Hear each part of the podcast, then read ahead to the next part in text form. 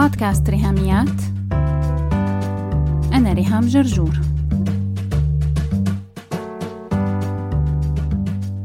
مرحبا. اليوم 12 آذار مارس 2021 الذكرى السنوية الأولى على أول يوم قعدت فيه بالبيت مع الأولاد. لما المدارس بمصر اتقفلت مع بداية أزمة كورونا كانوا أولادنا راحوا على مدارسهم عادي يوم الأربعاء 11 آذار والخميس بسبب العاصفة سكرت المدارس بقرار من رئاسة الوزراء على مستوى الجمهورية كلها.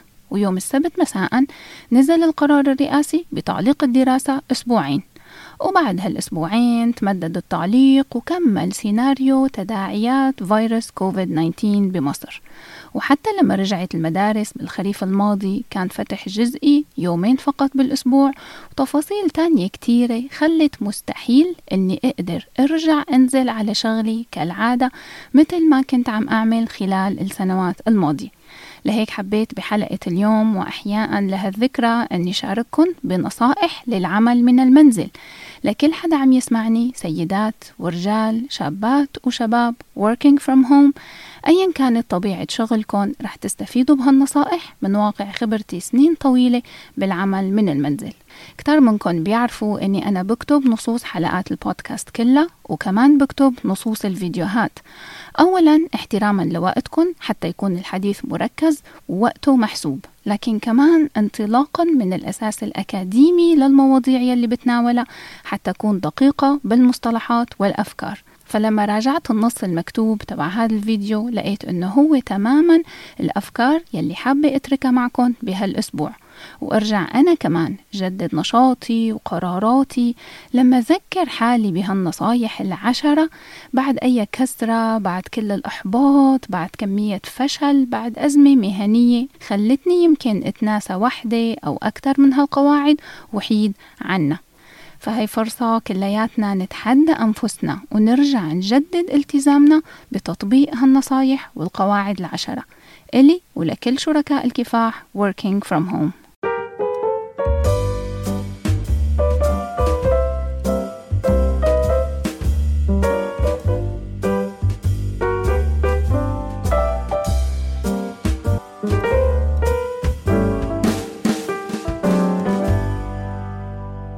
مرحبا. الشغل من البيت يمكن بالأول يبين لذيذ وظريف بس أكيد اكتشفتوا إنه فيه كتير تحديات. أنا أول ما أجيت على مصر سنه 2006 اشتغلت بمكتب وضليت سنة أنزل على شغلي كل يوم. بس خلال ال 13 سنة الماضيين كنت عم اشتغل من البيت. فحابة أشارككم باللي تعلمته وطبقته بهالسنين هاي سواء قبل ما يجينا أولاد أو بعد ما صار عندنا ولدين. المعلومة يلي معظمكم يمكن يكون اكتشفها خلال هالأسبوع هذا هي قديش الشغل من البيت ممكن يكون صعب ويخلق مشاكل من لا شيء. أكبر تحديات الشغل من البيت هو التشتيت ومصادر التشتيت مختلفة.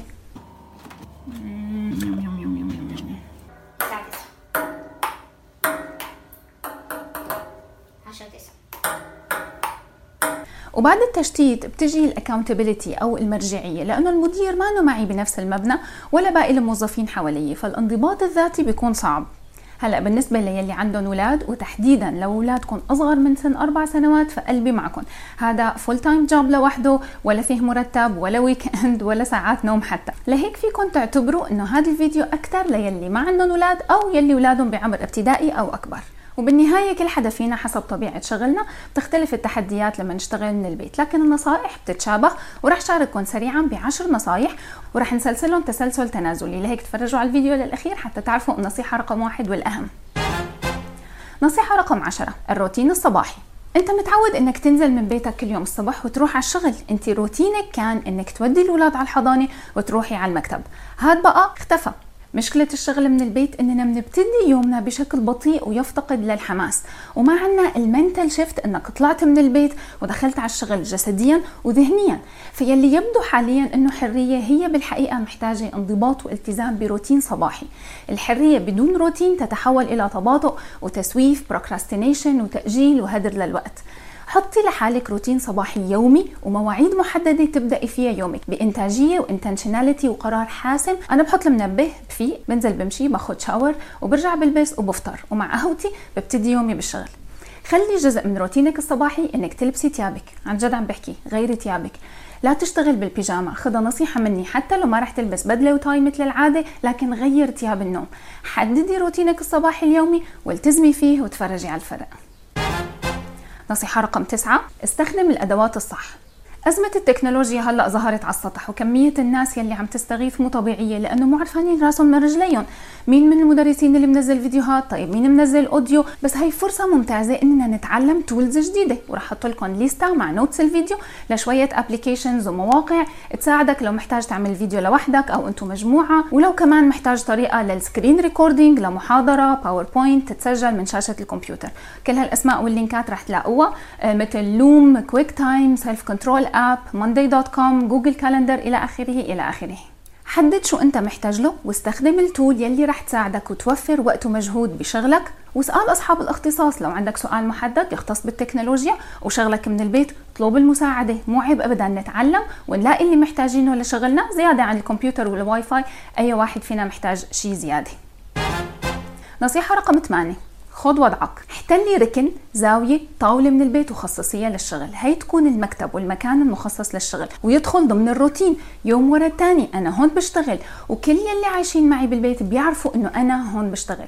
خذوا أماكنكم واربطوا أحزمة الأمان. بصير الدماغ لما تتمركز بهالركن بيدرك إنه بدأ الجد. وكأنك بصمت أو مضيت حضور وبعدين بتمضي مغادرة أو بتقول لمخك خلص الدوام.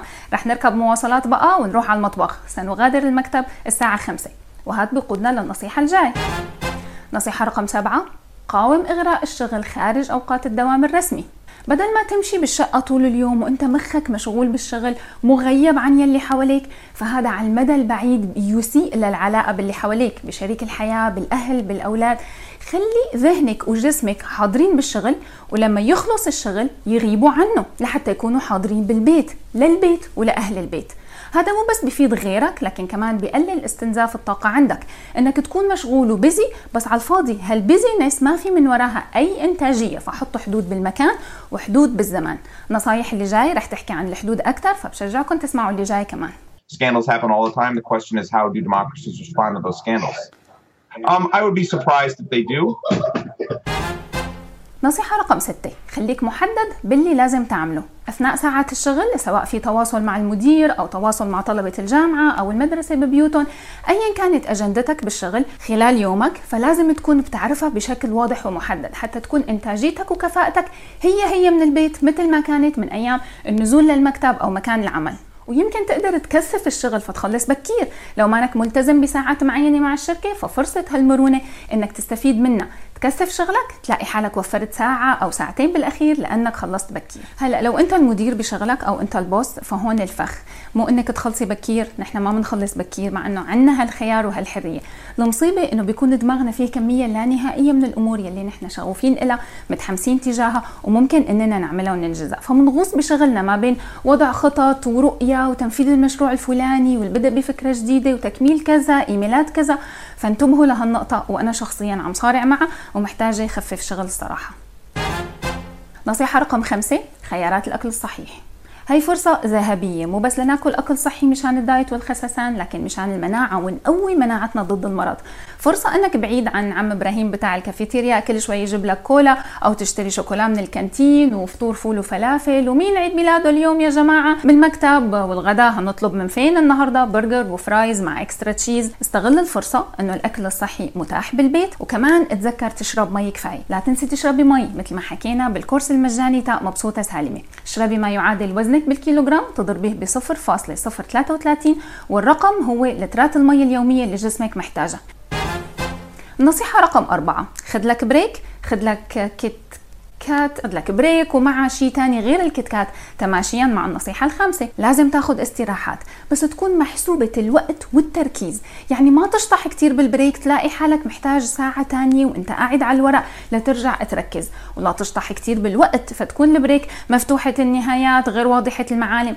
دائما اعتبر إنه في كاميرات مراقبة بالبيت. لو شقتكم فيها بلكون شم هواء اتمشى اعمل أي شيء يخليك تقوم عن الكرسي تغادر الركن تبعك وترجع له بعد ربع ساعة أو عشر دقائق مثلا. بيكون جسمك صار fresh وذهنك كمان.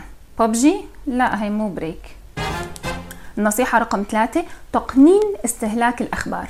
ال consumption of news and social media على قولة نجوى كرم حط أصحابك بالغربال. بنصحك حط أخبارك بالغربال خاصة جروبات الواتساب ومعلومات ال social media.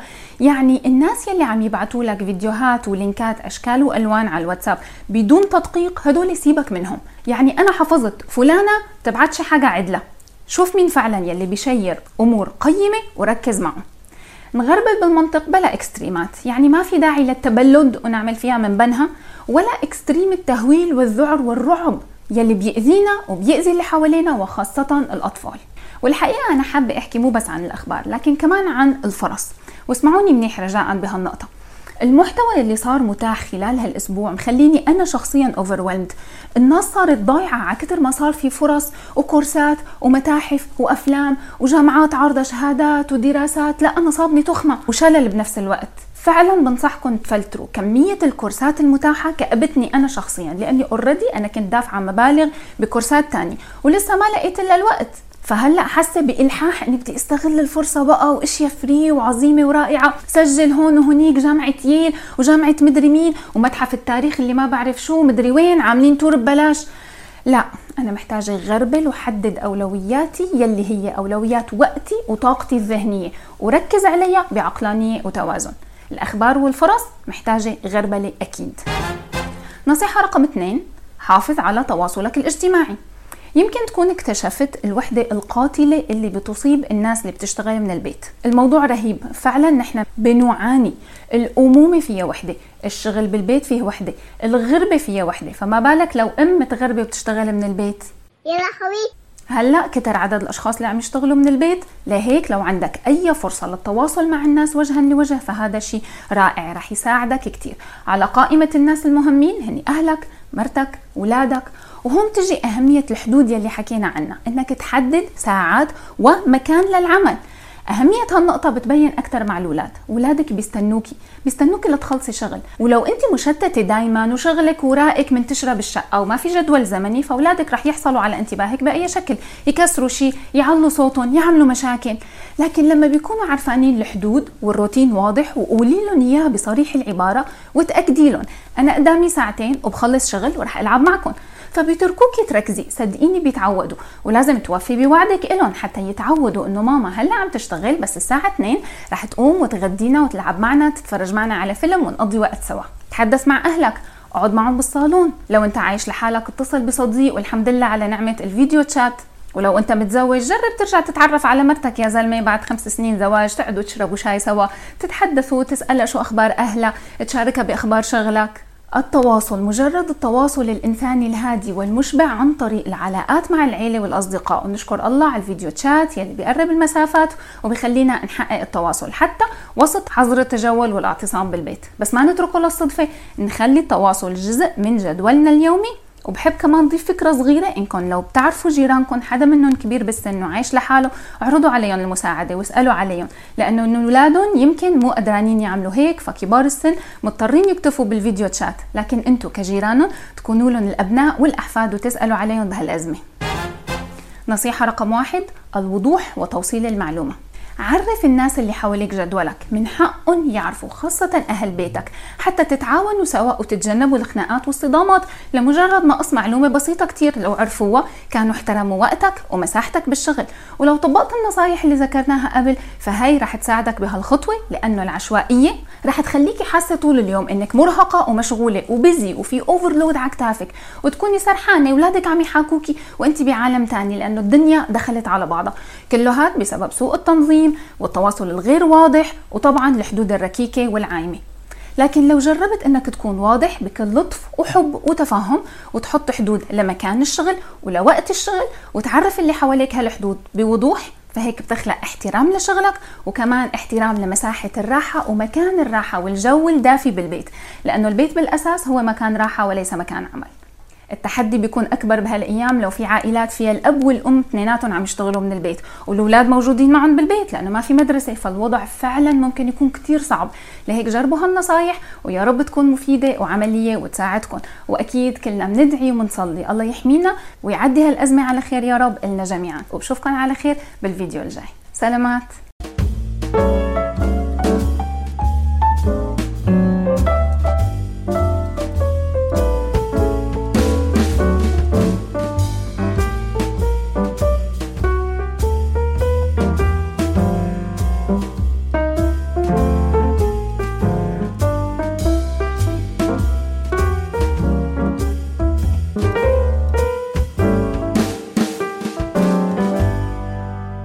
بتحبوا تتفرجوا على الفيديو كامل بتلاقوا ال link مع notes هالحلقة وكمان على اليوتيوب فيكم تكتبوا نصائح العمل من المنزل على قناة ريهام جرجور وتعملوا like للفيديو حتى يكون سهل عليكم ترجعوا له كل ما احتجتوا دفعة تشجيع و inspiration خلال الشهور الجايين.